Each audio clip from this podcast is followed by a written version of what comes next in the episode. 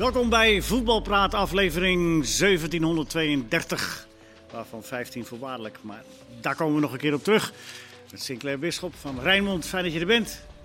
Genoten van Feyenoord? Blijf lagen, maar niet met het resultaat. Dadelijk daar weer over. Christian Willaert, jij hebt ook heel veel tijd besteed aan Feyenoord vandaag. Uh, wat vond jij ervan? Was hetzelfde zo kort? Gemiste kans. Gemiste kans. Mark, jij hebt Feyenoord zijdelings Ik bekeken. heb volledig genegeerd. Nee, nee, nee. Maar je hebt heel veel andere dingen bekeken. Wat sprong eruit vanavond? Ehm, wat sprong eruit? Ja, Manchester United verliest. Want dat Barcelona verliest van Bayern vind ik geen verrassing. Dat Oké. Manchester United verliest bij Young Boys wel. Negen gele kaarten bij eh, Lille. Daar gaan we ook zeker nog op terugkomen. Met een bijzondere onderlinge relatie natuurlijk daar ook nog. Dus Ja. Dat is wel leuk. Tussen? Ja, is- Nee, tussen, nee, van, Bommel. van Bommel is een van de spelers, of een van de mensen die geel kreeg van Danny Makkely. Ja, wat was, wat was de geschiedenis tussen, tussen Makkeli en eh, Van Bommel? Nou, dat gaat vrij ver terug, tot Feyenoord PSV. Dat, die, die hebben niet de beste relatie ooit gehad. Ehm, en nu kwamen ze elkaar tegen. Maar volgens mij, Van Bommel heeft niet eens zo heel veel te klagen. Want de tweede gele kaart die Brooks kreeg, speler van Wolfsburg, was volkomen terecht. En Makkely keurde op advies van VAR Blom ook nog volkomen terecht het doelpunt van Lille af. De bal was over de zijlijn. De bal was over de zijde, daar was Van Bommel uiteraard opgewonden over. Maar dus volgens mij had Van Bommel uiteindelijk niet zo heel veel te klagen. Nee. Maar wel in totaal de zeven Dat is keer voor Bommel nooit een probleem of hij iets eh, reden heeft om te klagen. Zijn ploeg kreeg in totaal de zeven keer geel. Dus ik denk toch dat hij daar wel iets over te klagen heeft. Ja, daar maakte hij acht van. Ja. Nee, hij was een van de zeven. Oh, hij was even een zeven. Hij was zeven. Oké, eerst even de Conference League. Want eh Feyenoord speelde al vroeg vandaag vanwege Yom Kippur aanstaande donderdag tegen Maccabi Haifa. En dat eh, ja, eindigde zoals het begon. Eh, jij hebt voor eh, Rijnmond het commentaar gedaan. Je bent snel terug. Maar, Ja, dat kan tegenwoordig, hè? ja, ja, ja. Van mij van, Eh, nee. Maar je zei net, Christian sprak over gemiste kans. Jij zegt ja, teleurstellend. Wat overheerst? Bij Feyenoord zelf, heb je ze gesproken afloop? Ja, we hebben interviews van afstand kunnen doen. En, Jij ook, hè, Chris? En we dadelijk Ja. ja. Kijk, eh, Feyenoord en eh, uitwedstrijden in Europa is toch niet echt een gelukkige combinatie geweest. Hè? De laatste pak een beetje tien jaar. Er werd er onlangs wel bij Lutsen gewonnen.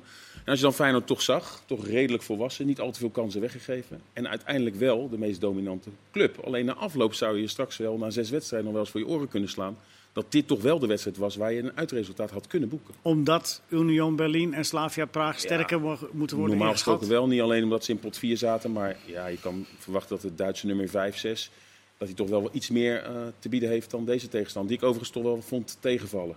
Ja, maar je speelt Feyenoord, speelt 0-0, Christian. Maar, maar ze hadden hem ook kunnen verliezen. Met een beetje pech zo. Dat had ook, de, Ja. die, die hadden er ook zomaar in, in kunnen rommelen, toch? Klopt, ben ik, ben ik wel met je eens. Eh, ik moet ook wel zeggen dat we hebben in Nederland, en ik heb zelf die neiging ook, eh, vaak als er dan één of twee kantjes worden weggegeven, dat we dan zeggen, oeh, eigenlijk hadden ze de beste kans. Maar dan ga je nog even goed terugkijken hoeveel keer ze nou op doel geschoten, hoeveel echte grote kansen waren er.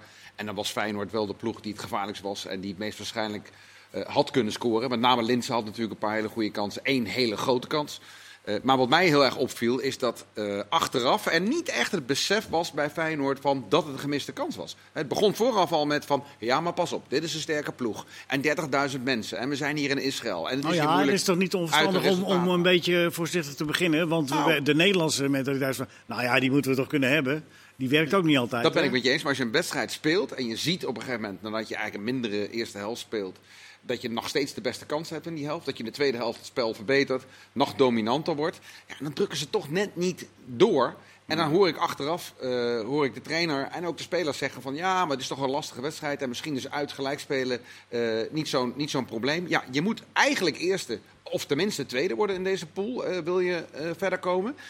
Ja, ik, ik denk echt dat dit Maccabi Haifa niet meer dan twee punten in deze pool gaat halen. Dat betekent dus, als je, als, je, als je bij de eerste twee wil eindigen, moet je een uitwedstrijd winnen. Ja. En, en de makkelijkste gelegenheid daartoe, die hebben ze laten Ja. lopen. En ik Ja, denk dat ja, besef ja, ja, nee, dat duidelijk. Maar wa- wa- waar ze nou zo slecht? We hebben ook een beetje pech. Want die- Ik zag Linsen die die ene kans missen. Dat, ja.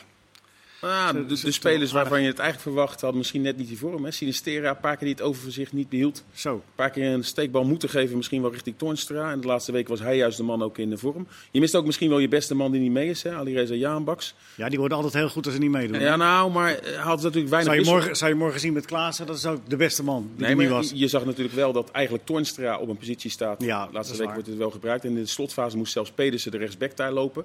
Dus aanvallend kon hij niet zo heel erg veel. Dessers nog wel een kwartiertje meegedaan. Niet al te veel van gezien. Ja, dat vond ik wel opmerkelijk. Dessers, die zei bij jou, Christian, eh, want jij vroeg er eh, specifiek naar. Was je fit voor de hele wedstrijd geweest?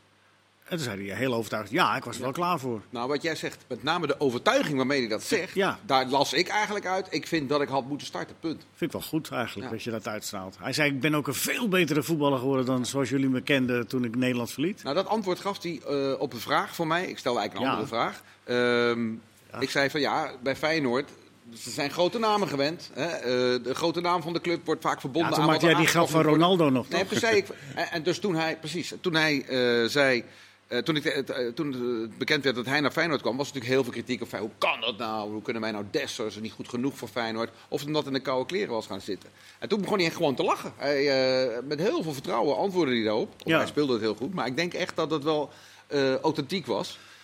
Dat, dat hij echt veel. Hij vindt zichzelf een veel betere speler. Ja, dat- niet alleen dan bij Utrecht, maar ook Ja, dat dan zei- bij dat- Heracles toen hij topscorer van Nederland werd. Ja, dat zeiden we net. Dus, eh, dat, dat klopt. Maar wa- waar haalt hij dat vandaan, dat vertrouwen, denk jij, eh, Sinclair? Eh, eh, uit statistieken, hoe hij het daar gedaan heeft? Want, Ja, maar ook wel het spel hoe Feyenoord dit jaar wil gaan spelen. Hè? Toch nee, wel. maar dat, hij, dat zelfvertrouwen van hemzelf, bedoel ik, dat eh, is wel mooi om te zien, maar dat moet ergens vandaan komen. Ik denk met name wel uit de statistieken en hoe hij toch gezien heeft bij Heracles. Hij vindt zelf dat dat een soort soortgelijk systeem is hoe Wormoed eh, speelde. Dat hij daar tot zijn recht gaat komen in Nederland. En ik denk dat het in veel wedstrijden ook wel het geval kan zijn. En juist misschien in dit soort wedstrijden dat je dan wat minder aan hem zou, eh, zou hebben. Mark, jij, je hebt ook wel meegekeken bij Feyenoord. Hè. De- Maar, maar is de, want eh, we spreken terecht onze teleurstelling uit, hè, omdat je misschien met, tegen de zwakste tegenstander speelt. Maar was het gewoon qua wedstrijdbeeld nou zo'n slecht resultaat? Eh, nee, want inderdaad, de beste kans, met name voor Linsen, was dan wel voor Feyenoord. Maar het was niet alsof Feyenoord heel dominant was. Dus ik denk dat 0-0, een re- ik vond het een redelijke afspiegeling eigenlijk van de wedstrijd. Eh, alleen is het inderdaad wel teleurstellend. Eh, maar misschien waren het de omstandigheden wel. Het viel mij op bijvoorbeeld dat Toornstra op een gegeven moment echt vroeg om een drinkpauze. Het was warm, hè? Ja, die, die- begon na 22 minuten echt een paar keer ging hij naar de scheidsrechter toe van drinken, drinken. Nou, die scheidsrechter ging nog een paar minuten doorspelen. En daarna kwam die drinkpauze wel. Maar dat zal ongetwijfeld ook een rol hebben gespeeld, die, die omstandigheden. Ehm, ja, en met, de- ik ben benieuwd hoe het met Dessers gaat. Want ja, eh, kan Linsen naar rechts? Dat ligt niet heel erg voor de hand. Dat is geprobeerd, Ja. ook in de voorbereiding, maar dat beviel niet echt. Precies. Nou ja, dus als je dan deze opstelling ziet, je hebt Jaan Baks niet. Stel je zet Dessers in de spits, dan los je eigenlijk het probleem niet op. Want Linsen kan er niet naar rechts.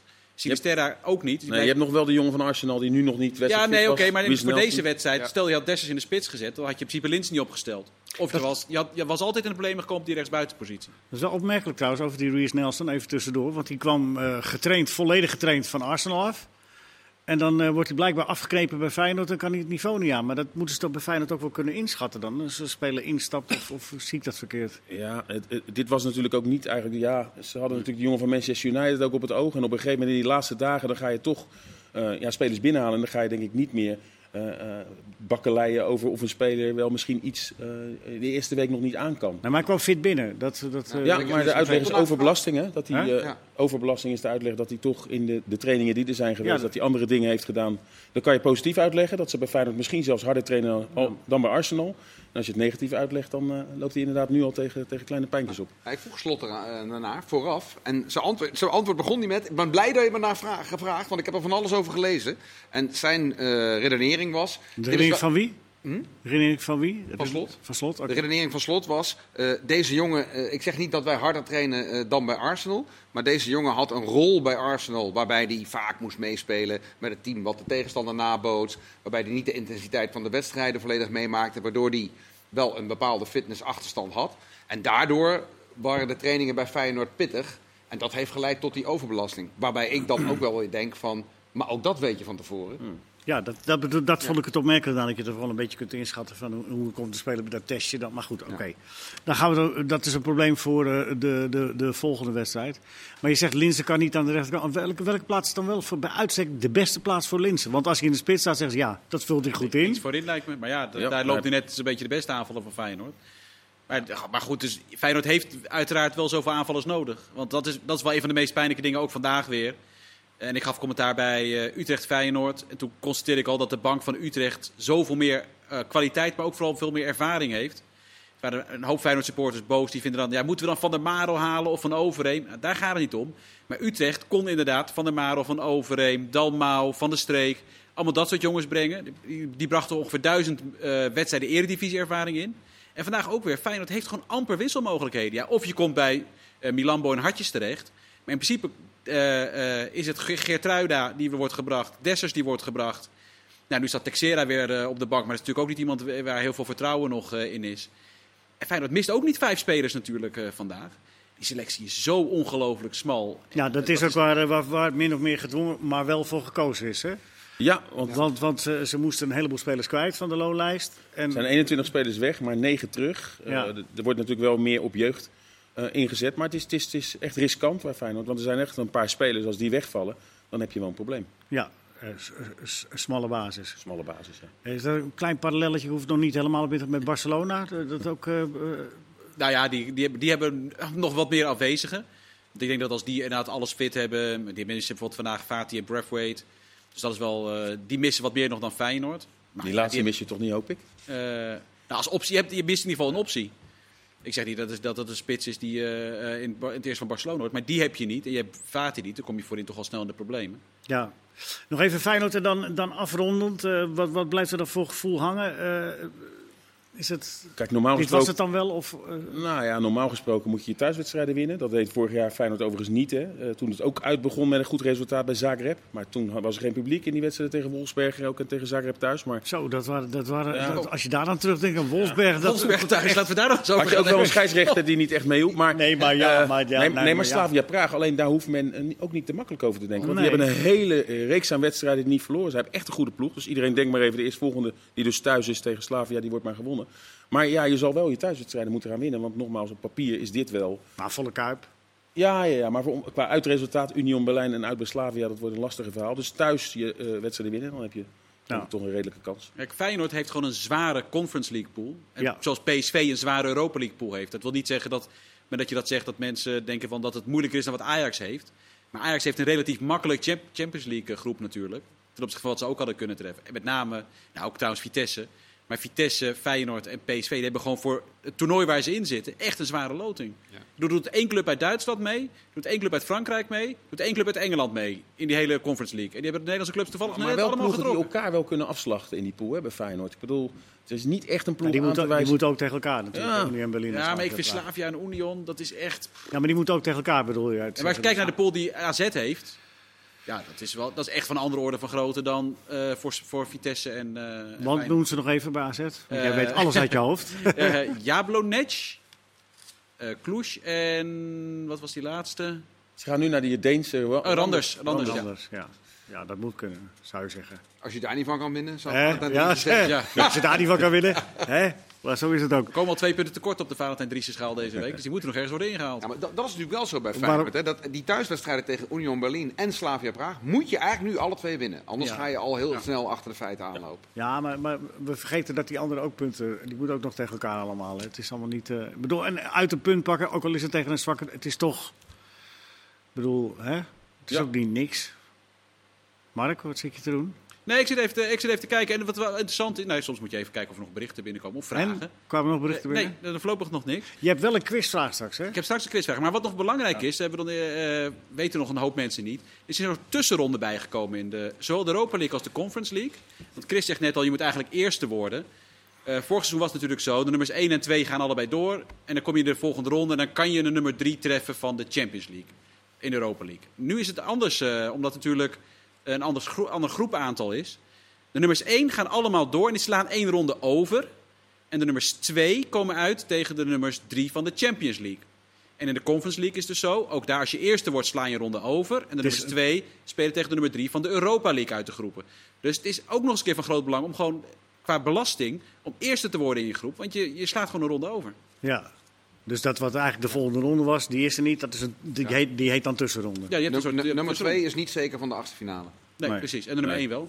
Maar goed, Feyenoord is sinds 2014 al niet meer overwinterd. Dus die zijn al blij als ze tweede worden. En in ieder geval na de, zo of na de winter nog eh, Europees spelen. Ja, want die wedstrijden wel, zijn wel na de winter. Ook die tussenronde Ja, ja, ja. wedstrijden zijn wel Ja, na de winter. Oké, nou sluiten we daar Feyenoord, eh, Feyenoord mee af. Eh, ja, die, tegen PSV hebben ze schade opgelopen voor degene die het niet allemaal gevolgd hebben? Want, ze, want wacht een belangrijke wedstrijd. Nee, nee, Toornstra viel wel met eh, kramp uit, maar nee. En dan komt Jaan Baksen natuurlijk weer bij. En eh, mogelijk dus ook Louise Nelson. Dus Ja, wat dat betreft. En Feyenoord heeft dus door die wedstrijd die nu naar voren is geschoven...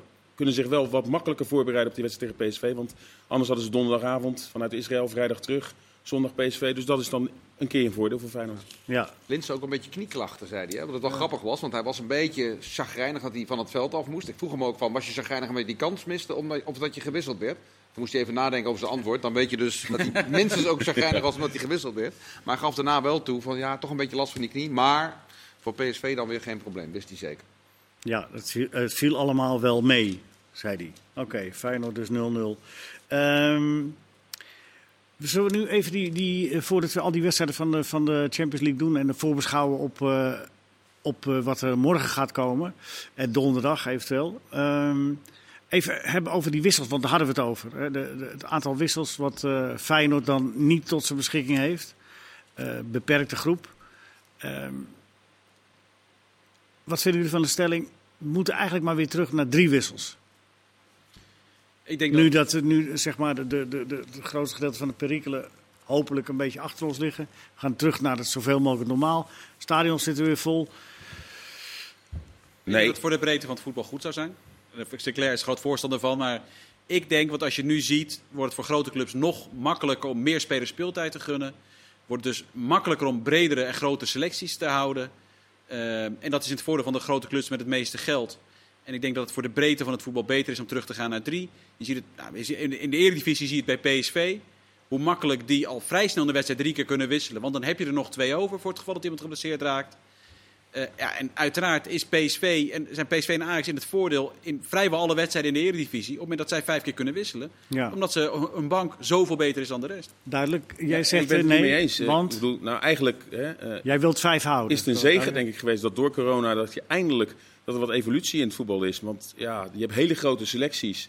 En dit geeft trainers ook veel meer mogelijkheden om dingen te doen. En eh, PSV krijgt heel veel kritiek over het wisselbeleid. Maar nu er juist vijf wissels mogelijk zijn, vind ik dat er heel weinig trainers daar echt rekening mee gaan houden. Je kan zoveel meer nu doen, waardoor je in de slotfase waar wedstrijden beslist in worden, dat je een fittere ploeg eh, behoudt. En trainers moeten daar veel meer op inspelen.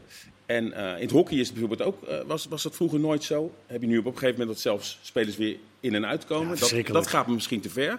Maar het is wel zo dat je juist met die hele bank, met 21 spelers die erop kunnen zitten, dat je juist keuzes hebt. En dat trainers juist tactische wedstrijden Ja, maar je, je vermoordt toch hele wedstrijden. Christian, hoe denk jij, hoe denk jij erover? Er, Ja, gaan ik, wedstrijden... ik vind het ongelooflijk wat je zegt, eh, Sinclair. Want ik ben het echt niet mee eens. Ik vind eh, ten eerste, als je vijf wissels hebt, dan krijgt de trainer, de coach, meer macht. Waar vroeger spelers het in het veld moesten uitzoeken. Soms spelers die spontaan van positie wisselden om iets te veranderen in een wedstrijd. Ja, nu, hup, komt er meteen een wissel. Eh, je hebt nu ook eh, banken met elf man, alle posities dubbel bezet. Iemand valt weg, kan je er allemaal, allemaal, altijd weer iemand van dezelfde plek voor inzetten. Vroeger moest je denken, oh, eh, welke middenvelder kan ik dan rechtsback zetten? En eh, wat, wat Mark zei, ja, het geld regeert alleen maar meer. Hoe meer wissels je doet. Ik denk dat het de kwaliteit, kwaliteit van het voetbal juist omhoog brengt. Want je ziet vaak dat in de slotfase van wedstrijden heel slordig wordt het. En Ja, nu leuk, kunnen toch? spelers versen. Wat zeg Dat is toch juist leuk in de slotfase? Slordig, meer ruimte. Dat, dat, dat is toch meer Maar we komen toch spektakel? ook naar het stadion om een leuke voetbalwedstrijd te zien. Ja, nou, ik vind, ik vind eh, slordigheden ook leuk hoor. En ik bedoel, vroeger eh, was die eh, kalender, niet, kalender niet overvol. Dat is nu wel het geval. En dus zie Ja. je dat sommige spelers aan een wedstrijd beginnen die eigenlijk niet fit zijn. ja, maar draai je het niet een beetje om? Is die kalender dan inderdaad niet te vol? Maar dan moeten we heel veel wedstrijden eruit gaan halen. En dan, dan- met, het- met het rooster wat er nu is. En de spelers gaan maar door. Nu hebben we weer Interlands geweest, gehad. Vroeger waren het er twee, nu drie. Waar ook al eh, gehandeld wordt met spelers die dan maar eh, rust krijgen. Maar- En ik denk dat als je juist wedstrijden misschien maar 60 minuten gaat spelen. Dat je juist daar qua kwaliteit veel meer Ja, leuke wedstrijden wedstrijden, worden misschien qua kwaliteit uiteindelijk, als je gaat kijken hoe vaak is de bal in de goede kleur gespeeld, beter. Maar ze worden minder spannend. Want de rijke clubs kunnen veel makkelijker oppermachtig zijn ten opzichte van de armere clubs. omdat we- ze die vijf wissels hele goede spelers maar met drie inbrengen. wissels gebeurt er eigenlijk weinig. Want een trainer houdt sowieso één wissel wel over om in de slotfase eh, ervoor te zorgen als iemand geblesseerd raakt. Dat hij, dus dan, dan een trainer kan niet zoveel tijdens de wedstrijd. Als het niet loopt. Heerlijk. Ik ben, nou, ik denk dat heel veel supporters als het 0-3 staat wel willen dat er een half elftal gewisseld Nou, nee, wordt. nee. Dat kan nu, ik ben het in ieder Ja, geval nee. wel eens met eh, Sinclair. Ik bedoel, ik ben niet voorstander van vijf is, maar ik ben het wel volledig eens met jou dat heel weinig trainers er echt gebruik van maken. Terwijl je ook best eens een keer eh, beginnen op een andere manier voetballen. Zet er begin eens met een extra aanvaller, verras de tegenstander en dan een half uur zet je het weer om. Dat kan Maar nou, maar nou komt de romanticus in jou Ja. boven. Maar, maar dat, is, dat is niet reëel. Nee, dat is niet Wat- reëel, maar- maar, er gebeurt, de- dit is het meest extreme. Maar waarom gebeurt er vrijwel niks om met gebruik te maken van die vijf wissels? Precies wat Sinclair zegt. Dus ik ben er niet voorstander van dat het... eh, ik- Om de reden die ik net heb uitgelegd, dat het wordt toegepast. Maar nu het er is, zou de tennis veel inventiever mogen Ja, zijn om er gebruik Kijk, van te kijk hoe Smit het op dit moment doet, is denk ik nog niet de ideale manier. Want hij zorgt ervoor dat er veel zagrijnige spelers op de bank Ja, gaan maar er, zitten. er, komt nog een, er komt nog een elementje bij. Dan koop ik een seizoenkaart voor PSV. Omdat ik me verheugd erop zien om Madueke te zien. En om, eh, en om eh, eh, Gakpo te. Gakpo te zien. En dan eh, heb ik de bus gemist. Ben ik net even te laat. En dan zijn ze alweer gewisseld. Ja. Maar je Ja. hebt ook niks aan als die spelers, want je ziet ook vaak... Ze kunnen toch wel eind van- 90 minuten voetballen tegenwoordig? Ze kunnen toch wel gewoon twee keer 45 minuten spelen? Wat is daar nou zo moeilijk aan? En Dat dat begrijp ik echt niet hoor. Dat het ge- gesublimeerd wordt. Dat spelers niet meer in staat zijn om drie keer in de week twee keer 45 minuten te spelen. Snap ik niks van. Ja, Echt dat, niet. dat is gewoon fysiologisch, is dat wel heel zwaar met de... nou, dan twee enorme- keer in de week. Ja, nee, maar het is met je de kan toch gewoon twee keer ze krijgen. 45 minuten spelen? Ja, niet altijd. Niet met, de, met de, wat er wordt- van ze wordt Ja, gevraagd maar er, in wordt nu al, er, wordt nu, er worden spelers nu zo opgevoed dat ze het inderdaad niet meer kunnen. Omdat ze het nooit meer doen. Maar, maar de laatste weken is Madueke wat minder. Misschien wel omdat hij juist te veel speelt. Ja, of te, of te weinig. Nou, hij wordt in ieder geval gewisseld omdat hij niet goed speelt. En dat, Ja, maar dat, is, dat, is, dat snap ik. Ja. Dat, nee, maar dat, dat, nee, maar ook daar is kritiek op. En dat, daar verbaas ik me dan wel over. Nee, maar als je iemand wisselt omdat hij niet goed in de werk... Dat, dat- allemaal tot je dienst en allemaal prima.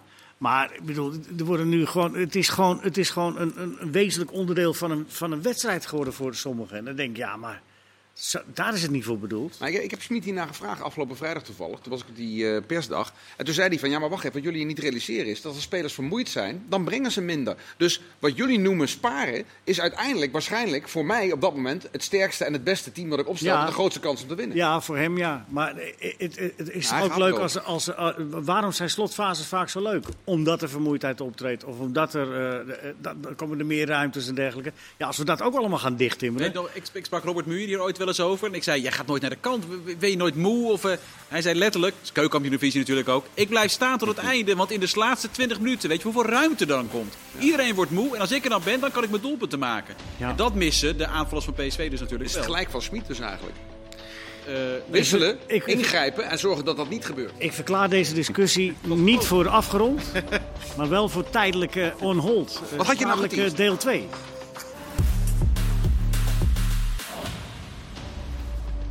Welkom terug, deel 2 van eh Voetbalpraat. Hele wijze woorden, Mark. Jammer dat het in de pauze viel, maar... hey, we sluiten de discussie even af over die wissels. Het aantal wissels, vijf wissels, drie wissels, twee wissels. we hebben niet geen wissels. Nee. Nee, wij hebben niet... Nee, nee, nee, nee. nee. Het, andere keren daar komen we er wel weer op terug. Want er zullen vast wel weer aanleidingen zijn om daar, eh, om daar weer eens op terug te grijpen. Maar er is eh, vandaag uitgebreid gevoetbald. Veel gevoetbald. Morgen wordt er veel gevoetbald. Donderdag.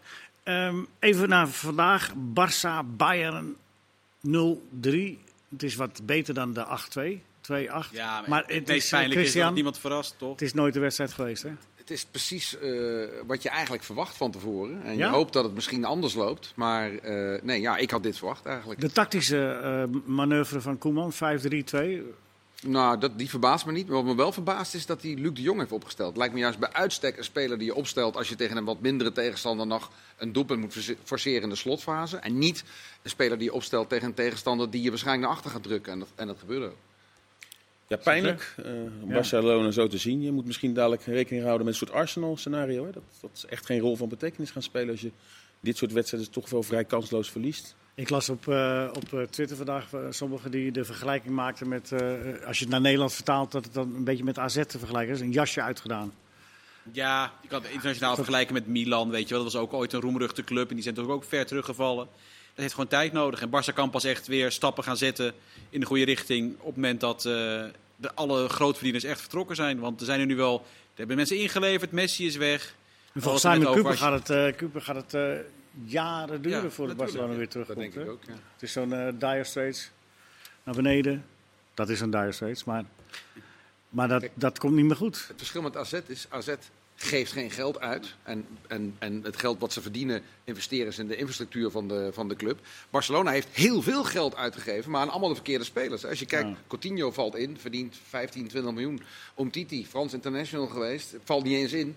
Verdient 10 miljoen plus. Daar zit, Barcelona is nog steeds een van de clubs met de hoogste salarishuizen van Europa. Top Ja, 5, top Ze 6. zijn, wel, ze zijn wel druk bezig om dat te saneren. ja, Dus Tuurlijk, dat- maar dat gaat even duren. Nou ja, saneren gaat wel, maar dan weer terugkomen op niveau. Dat, Ja. dat wordt een hele klus. Maar het was, ik vond het toch wel, ja...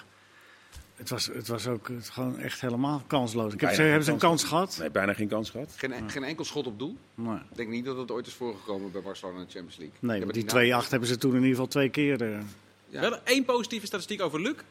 Hij Luc de Jong, ja. al, eh, hij, heeft, hij heeft twee luchtduels gewonnen. En Lionel Messi in zijn laatste 30 duels voor Barcelona won er maar één in totaal. Dus dankzij Bart Vrouws deze statistiek. Dus Luc is een betere kopper dan Messi. Kunnen we Ja. gewoon nu officieel vaststellen, is klaar. Dus, dus- dus 1 in 30 of 2 in 1. Ja. Dus dus 60 keer zo goed in de lucht Hij als is Messi. 60 keer zo goed. Dat is dat, eh, ongelooflijk. nee, maar daar zullen ze bij Barcelona de vlag wel voor Ja, nee, dat bedoel ik. Neem aan dat Polonaise lopen. Ja. Nee, maar is het, is, ja, jongens, zo gaat het nou één keer in het voetbal? Of is het, ja, ik Ja, ik dat voelde het me zo wel een beetje is, treurig is hoor. En ik hoop juist ook, ik bedoel, er stonden vandaag gewoon drie Nederlanders. Hè? Ik bedoel, eh, en dan heb je Koeman. De Jong, de Jong. Die wel in een combinatie met z'n drieën op één moment vrij Ja. dicht bij een doelpunt waren. Als, je, als je het een beetje eh, graag wil zien, zal ik maar zeggen. Weet je, drie Nederlandse voetballers, Nederlandse trainer. Ja, ik hoop wel dat ze. Ik hoop dat ze. Voor hun wordt het gewoon heel belangrijk dat ze gewoon. Het klinkt heel eh, eh, cru. Maar ze moeten gewoon bij de top 4 eindigen. Ze moeten zich gewoon weer plaatsen voor de Champions League. Want als ze dat niet doen, dan hebben ze pas een probleem. Kijk, Real en Atletico, die zie ik ze niet achterhalen. Ja, Maar dan, deze dan kom je met Sevilla. Dan, dan, die, die, zijn ook al, die zijn ook vrij goed over het algemeen. Ja, dan komt er nog maar op een gegeven moment Villarreal. één plekje over. Ja, Dus deze Champions League pool overleven wordt ook moeilijk. Hè? Met Benfica, Dynamo Kiev zie ik ze ook niet zo 1, 2, 3 winnen in Portugal. en Nou, in die de- spelen onderling gelijk, dat kan gunstig zijn. Maar voor Barcelona geldt toch vooral, ze moeten in de top 4 eindigen. En het, is, het meest pijnlijke is dat ik daar niet heel veel geld op in durf te zetten. Dat Die hebben gelijk gespeeld in de andere pool? 1-0 toch voor Kiev? Heeft de Kiev nog gewonnen? Ja, Ja. 1-0, ja. Nou, dat, is, dat is niet zo goed hoor, voor Barcelona. Nee, nee. En het is nu eh Benfica is de volgende tegenstander. Ja. Sombere tijden, maar ja.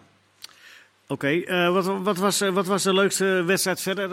eh, Christian, heb jij vandaag... Ik heb gekeken naar... Ik vond Young Boys Manchester ja, United vond ik wel... eh, Dat was heel leuk. En die andere wedstrijd, kwart, wat was het? Kwart, kwart voor zeven, die was ook heel leuk. Met vier penalties in de eerste helft. En daarna nog een, een rode kaart. Knotsgekke wedstrijd ook.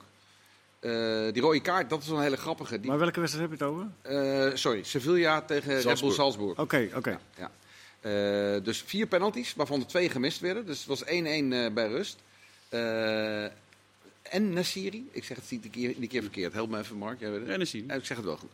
Die, die, die eh, wordt- krijgt geel voor Swalbe. Had al geel. En moest er toen af. Het was wel een heel kolderiek moment. Heel Sevilla protesteerde. Bank, eh, alles het veld in. Want hij had buitenspel gestaan in het moment ervoor. Dus had dat teruggedraaid moeten worden. Alleen de VAR bemoeit zich niet met een gele kaart. Dus dat hadden ze kunnen weten dat het eh, ja, niet relevant was eigenlijk. Ja, en Hele los, rare- los ja. ervan, een overtreding blijft een overtreding al. Is Ik, daar, ik eh, denk zelfs als het direct rood eh, voor was gegeven voor een eh Swalbe. Of als hij iets anders gedaan had. Ja, op het moment dat je spelbederf pleegt. Dan Als het buitenspel niet geconstateerd is, dan maakt Ja. dat helemaal niet uit. Dat lijkt me ook. Mark? Eh, het is 0-0 geworden tussen Dynamo Kiev en Benfica, wat ik toch even gezegd hebben. Oh, 0, eh, waar halen we de 1-0 dan vandaan? Ja, ik heb werkelijk geen idee, maar het is 0-0 geworden. Eh, misschien het doelpunt afgekeurd. Dat, Dat zou kunnen. Eh, en ik, Villarreal Atalanta zaten we naar te kijken. Dat was toch ook wel een hele leuke Ja. wedstrijd. Met, jawel, Danjuma die scoort bij zijn Champions League debuut, Nederlander. Optie extra voorin. Louis van Gaal zit natuurlijk niet zo heel breed in de mensen die op de vleugel misschien uit de voeten kunnen. En Goossen scoorde. Geweldige aankoop. Koopmeiners had, oh, die stond niet in de basis, maar die had een prachtige voorzet. Zo'n beetje in de laatste seconde waarbij hij bijna nog een assist had. De Roon speelde, ja, dus... eh, dat, Voor degenen die hem niet altijd, of die hem een beetje uit het oog zijn verloren, is het inderdaad een typische vleugelspeler, die Danjuma? Hij kan op meer plekken, plekken uit de voeten. Ik vind hem niet, het is geen negen volgens mij. Dus Nee. eh, hij kan prima op de vleugel uit de voeten. Wat is het voor Zo bij? Brugge als bij bij NEC hè, Ja. speelde hij met name op de vleugels. In Engeland volgens mij, hè, daar, daar wat minder. Heeft hij ook niet zo heel Soms, veel... soms centraal, maar ook wel vaak centraal, op de vleugel. Ja. Meestal, hij is rechtsbeenig, meestal Maar vanaf eh, links. Villarreal heeft eh, diep in de buidel getast Ja. om hem te halen. Opmerkelijk. Ja, Heel en veel eh geld. belangrijke speler. En Dus Mooi doelpunt, dat goed Maar gewoon vanaf de flank in de championship, eh, 15, 16 goals en 6, 7 assists. Dat zijn natuurlijk goede cijfers. En hij heeft, ik, wat ik me ook kan herinneren, we praten over Van Gaal die 5-3-2 in zijn achterhoofd heeft met eh, Oranje. Dan heb je weer andere backs nodig natuurlijk. Eh, hij heeft dat ooit in Nederlands elftal een halve wedstrijd gespeeld destijds tegen België uit mijn hoofd. En hij heeft bij Club Brugge ook een aantal keren in die rol gespeeld. Hij is wel zo'n vleugelspeler die ook de inhoud heeft om zo'n hele flank te bestrijken. Dus dat is ook nog een optie. Dan gaan we die ook bekijken. Ja, is en van, vlekken. van de Beek heeft eh, ja. weer eindelijk minuten gemaakt. Alleen hij had de pech dat eh, door de rode kaart bij Manchester United dat hij naar rust alweer kon inrukken. Ja, Verloren hè, Manchester United. Wel Ronaldo wel weer een goal. Maar... ja, maar toen Van de Beek eruit ging, stonden ze nog voor. Hè? Ja, dus, eh, dat kan hij dan wel. Ja, 2-1 verliezen van Young Boys, dat is toch... eh, hm. Ja, die rode kaart die Ja. voorkomen terecht was trouwens. In de Engelse pers Ja. ze het allemaal een beetje overdreven. En eh, de game is gone, letterlijke teksten. Ook analisten die zeggen, ach, nacht, nacht. Gone soft, gone Kun je even beschrijven wat er gebeurde dan? Nou, hij breekt bijna iemands enkel. Dus eh, hij, Oh, tackle- ja, precies. Maar, eh, want als je, tegenwoordig het is wel zo, als je hem op de voet zet, dus over de bal, en je maakt het over de doet, dan is het gewoon geel. Maar hij plat hem vol op de binnenkant enkel. Die kan, ja, die kan, echt, die kan echt zo zwaar geblesseerd raken daar. Dit Ja. was rood, die van Struik niet. Terwijl deze eh, een stuk minder ernstig qua gevolgen was.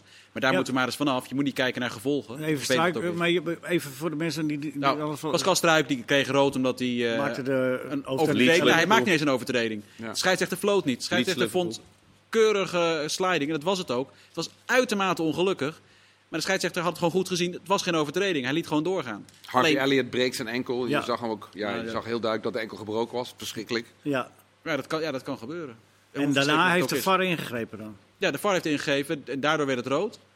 Ehm, Maar en, door, en door de manier waarop Elliot Maar is dat, maar is dat wat, welke situatie ontstaat dan? Hij heeft ook geen geel gegeven. Nee, want hij, hij liet doorspelen. Toen op een gegeven moment was Mag wel... de, maar, maar de VAR mag toch ingrijpen of niet ingrijpen? Of wel? In de, nou, blijkbaar wel. Dus, ja, ja, als je, dacht- bij rood, ja, als je de scheidsrechter iets niet heeft gezien, ja. Maar hij, hij legt het spel stil, want hij laat Hij het doorgaan op het moment dat hij ziet, oh wacht even, hier is wel vrij acuut eh, verzorging Ja. nodig. En dat was voorkomen terecht. Maar zelfs Elliot heeft gezegd dat het, dat, hij- dat het geen kaart was. In Engeland is het heel onduidelijk. Hè? Omdat ze dan vaak rood geven op, op aangeven van de VAR. Zonder dat ze naar een de scherm gaan kijken. kijken. ja, dat doen ze niet. Hè. Dat vinden ze een afgang. Ja, Om ja. te gaan kijken. Ik ben er trouwens, daar ben ik trouwens ook heel erg voor. Weg met dat kijken naar die schermpjes. Maar Ja. eh, de VAR Nee, van eh, ga even kijken, want dan voel je als scheidsrechter, oh jeetje, hoe ga ik dit oplossen? En nog een minuut, Bas. Nuis is er dan heel goed in, Ik heb om dan een minuut te kijken of hij toch zijn gelijk kan halen op een of andere manier. Ja. Ik vond de rol van Virgil van Dijk daar een opmerkelijke, bij dat incident met Elliot. Die de, bij, eh, bij Struik ging staan en hem eh, min of meer eh, rustig toesprak en zo. Dat, wel mooi, echt een aanvoerder van een speler. Ja, Dat is het Leeds niet- fans deden het fantastisch met het applaus voor Elliot. Ja, Ja. Het is verschrikkelijk, maar het werd opgelost door alles eromheen zoals het moet. Hij had alleen geen rood moeten krijgen. Maar die is ook geseponeerd dan, of niet? Nee, dat, dat, dat, nog niet. Oké, andere wedstrijd, andere uitslagen. Chelsea wint. Dat is wel 1-0 geworden. Lukaku. Lukaku, daar was hij weer. Eh Ziyech nog gespeeld, nog een hoofdrol van Ziyech? Of niet echt Nee. opvallend? Gewisseld ook. Ja, hij werd gewisseld, ja, klopt. Goed, gaan we naar eh, morgen. De quizvraag is maar, Mark. Morgen, Ja, dat- morgen is het eh, Sporting Ajax en jij hebt daar een quizvraag. Eh, Ja, waar moeten, moeten wij die beantwoorden? Ja, jullie mogen even gaan nadenken. Zo. Oh, Ruben oh. Amorim is een mooi verhaal. De trainer van Sporting. sorry. Ruben Amorim. Ja, Die kwam van Braga. Die was eh, bij Braga twee maanden trainer op het hoogste niveau. En toen dacht Sporting, die moeten we hebben. Eh, dus al heel snel zagen ze het, eh, het talent van de trainer. Hij is pas 36. Hebben ze 10 miljoen vervolgens voor betaald. Voor een trainer die dus twee maanden ervaring had op het hoogste niveau. En dat maakte hem intussen de eh, op drie na duurste trainer in de geschiedenis van het voetbal. Er zijn drie trainers waarvoor een hogere transfersom is betaald dan de huidige trainer van Sporting. Dus de vraag is, voor welke drie trainers is meer betaald dan voor Ruben Amorim? Mooie vraag. Dus dat is, dat is de vraag. Ehm, nou, dat, dat, dat, dat was het. En daar moeten wij antwoord op geven. Nou ja, als je, als je er eentje weet. eentje- Nagelsman? Nagelsman, 25 miljoen. Ja, dat is die, staat, eh, die is daarna nog eh, gegaan. hij weet het gewoon. Ja. Ja, de één maar. Nagelsman is... Chris, weet jij de andere wel natuurlijk. Eh, Alle- iedereen ja, de druk komt er nu op. Van Gaal? ik denk dat Mourinho ergens ook wel eens voor. Nee, je moet, zit wel in het goede land, maar de, de nieuwe Mourinho was het. Hè? Boas. Vilas Boas, toen hij naar Chelsea ging. Er werd toen ook als het supertalent gezien. Er werd heel veel geld voor betaald. Maar Ik heb, ik, eh, dat is mij allemaal ontgaan dat, dat trainers ook eh, transfers ja, nou eh, ja, het is dus ook vrij zeldzaam. Dat weet ik dan nog wel van. Want in de top 4 staan dus twee trainers die de- zeg maar deze, dit jaar zijn eh, gegaan. Of de, de- deze periode zo'n beetje zijn gegaan. Over Over die er nog één, toch? Ja, mogen de mensen thuis nog even over nadenken. De laatste, ja. Hè? Wat? Over die laatste mogen de mensen thuis nog even nadenken. Kom er nog één? antwoord. Ja, er er waren er drie. Oh, drie. Oké. oké. Ehm, over, over Sporting Ajax gesproken morgen. Eh, we hadden het er al over, eh, of ik maak even die opmerking. eh Klaas is er niet bij morgen. Ehm, ja, dat was wel een speler in goede doen. Ik denk dat Berghuis op die positie gaat spelen. Dat is wel duidelijk. Want daar heeft hij natuurlijk afgelopen week al hè, eh, tegen Zwolle eigenlijk Ja, al. maar Zwolle of Sporting, is dat niet een klein verschilletje? Maar er zijn volgens mij niet zo heel veel smaken in de selectie eh, bij Ajax om het op te lossen. Juist die positie.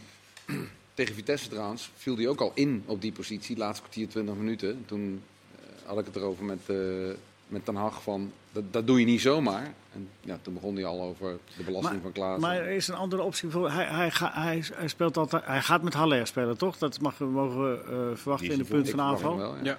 En dan eh, Anthony aan de rechterkant vanwege de snelheid.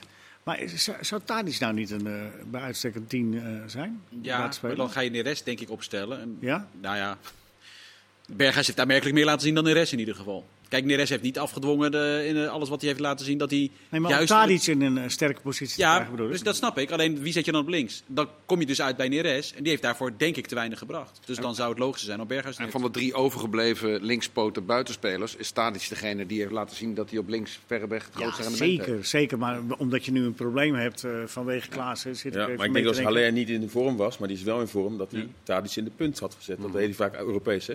Maar goed, Ja. Haller is nu natuurlijk onomstreden. Bij die voorkeurs goed gescoord, competitie gescoord, dus die houden er niet uit. Ja, maar wat zou hij dan op links doen? Want dat, op dit moment ligt Da- Darami nog niet natuurlijk. En ja, Neres ook niet. Met wat hij heeft laten zien. Dus dan denk ik inderdaad dat je het stuk logischer is om vast te houden aan die drie voorin en Berghuis erachter. Oké, zo gaat hij het doen. Nou, dat weet ik niet, maar dat denk ik. Waarom, een beetje filosofische vraag, maar waarom is eh, een Portugese tegenstander voor een Nederlandse club altijd een vervelende? Ik, kan maar, ik, eh, ik heb eens nagezeten denken over grote uitslagen in het voordeel van Nederlandse ploegen. Maar Jong Oranje, de afgelopen kwalificatiereeks naar het eh, toernooi. eh, ja, Die deed het goed tegen Jong Portugal. Maar inderdaad, over het algemeen, of het nou een jeugdelftal is, of het Nederlands elftal, of AZ tegen Sporting. of PSV Heracles. Benfica onlangs. Oh, Heracles tegen dat, daar heb ik nog commentaar bij gegeven. Ja. Dat was verschrikkelijk tegen Tegen Aruca. Oh ja, ja, ja. Oh, hemeltje lief. Die konden helemaal niks. Ja. En toch ga je eruit. Het is echt ongelooflijk. Die konden Ja. helemaal niks. Hadden het nog nooit een kunstgrasveld gezien. En dus Nee. die had, Herakles had 5-0 thuis moeten winnen, maar dat gebeurt dan ook weer niet. Maar, maar het gaat al jaren terug. Ik kan me herinneren dat, dat, dat Feyenoord ook eh, geweldig... eh, eh, Porto toen. Ja, nee, maar nog veel verder terug dat ze eh, in de kwartfinale tegen Benfica thuis met eh, eh, 1-0 gewonnen. Uit komen ze op 2-0 achter, maken ze 2-1 kwartier voor tijd. En denk ik, nou Feyenoord is door naar de halve finale. Waar ze dan tegen Ajax zouden hebben gespeeld in de Europa Cup 1. Dat zou uniek zijn geweest. Maar het was ineens, eh, vijf minuten later was het 5-1. ja.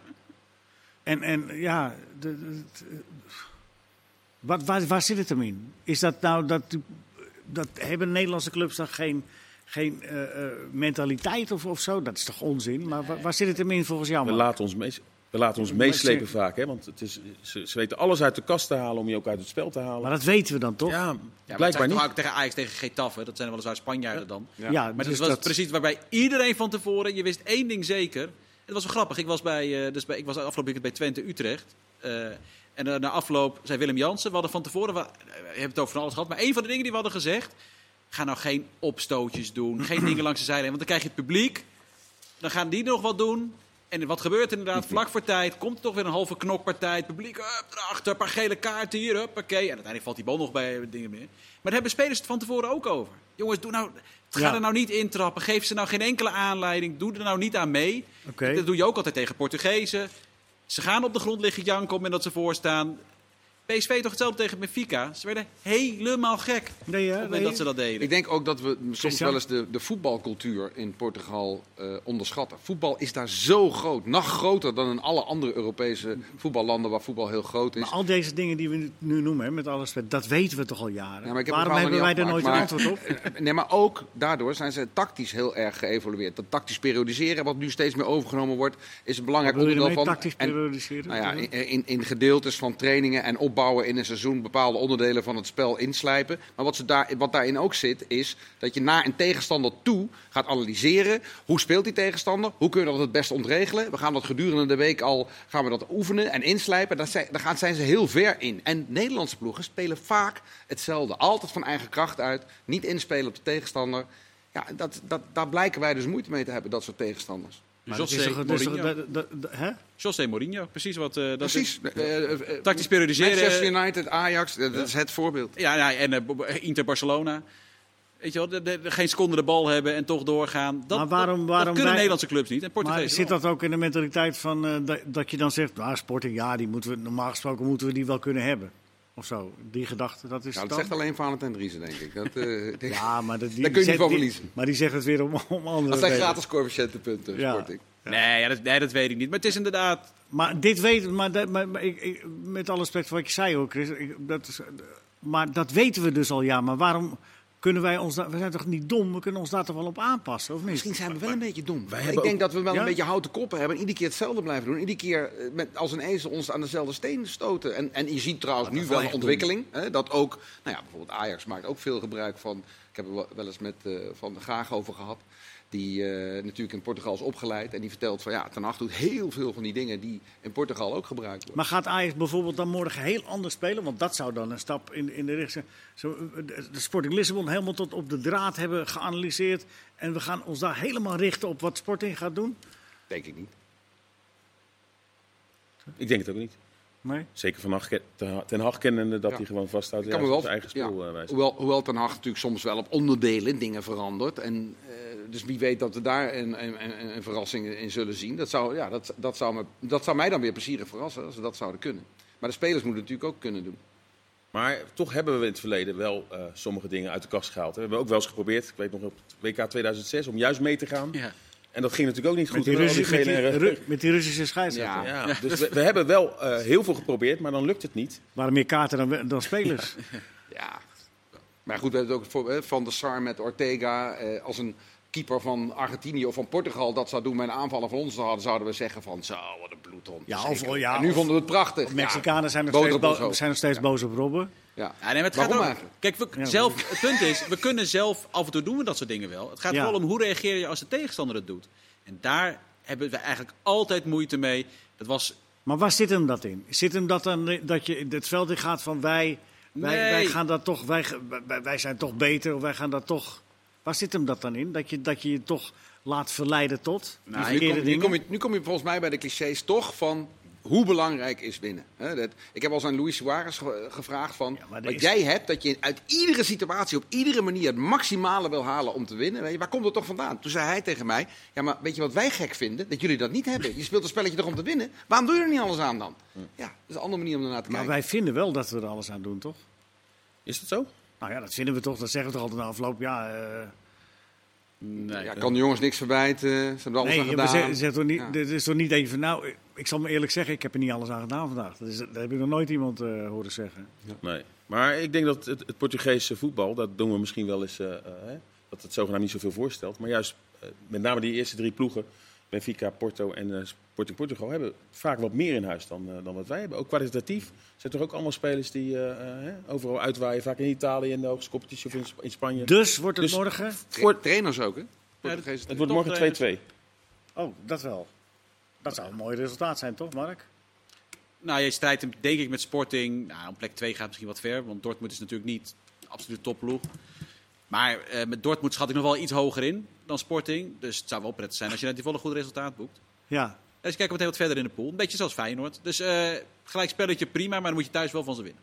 Ik denk dat Ajax met 3-1 gaat winnen. Ajax heel goed in de uitwedstrijden eh, in de We Champions hebben net een League. half uur sport, als voetbal opgegeven. Krijgen we dit? Het is toch Je zit, net, ongelooflijk? te vertellen waar, waarom het altijd gezegd- Ik misgaat. heb ook gezegd dat, eh dat Ten Hag eh, slim is en veel nee, dat je. overneemt. Dat hoopte je. En dat hoop ik ook en dat verwacht ik ook. En ik vind ook, als je kijkt naar die uitwedstrijden, die zijn natuurlijk niet allemaal gewonnen door de tegenstander te overrompelen met 70% balbezit. Zo was het niet. Ze hebben die goals vooral gemaakt, ook tegen Real Madrid en Juventus destijds, uit omschakeling. Omdat ze durfden iets voorzichtiger te spelen, maar wel pressie op de juiste Jawel, momenten en dan ah, snel nee, maar voren allemaal- tot je dienst, maar dat, dat, daar ging het me niet om. Het ging mij er meer om, om antwoord te krijgen op de vraag waarom het altijd misgaat tegen Portugese clubs. Maar eh, ja, Maar het gaat is dus heel morgen moeilijk. niet mis. nee, morgen gaat het dus niet mis. 3-1, schrijf maar op. Nee, ik, Tenzij, de, tenzij ze rood krijgen, dan, nou eh, dan gaat het weer mis.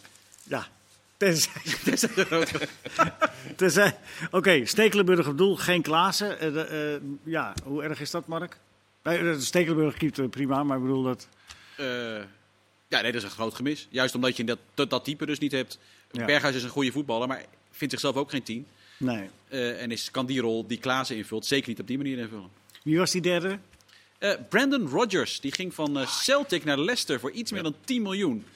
Doet het overigens over het algemeen vrij goed bij Leicester, maar dat vond ik ook wel opvallend. Dus Brandon Rodgers, André Villas-Boas en Julian Nagelsman, die Ja. waren de drie. U bent weer wat wijzer geworden. Vooral van eh, Mark. En, eh, Klasse, eh, Leo. ja, nou ja. Leuk dat je er was, Trevor. En heel veel succes met alles wat je doet, Sinclair. En Christian, ik hoop dat je voorspelling uitkomt.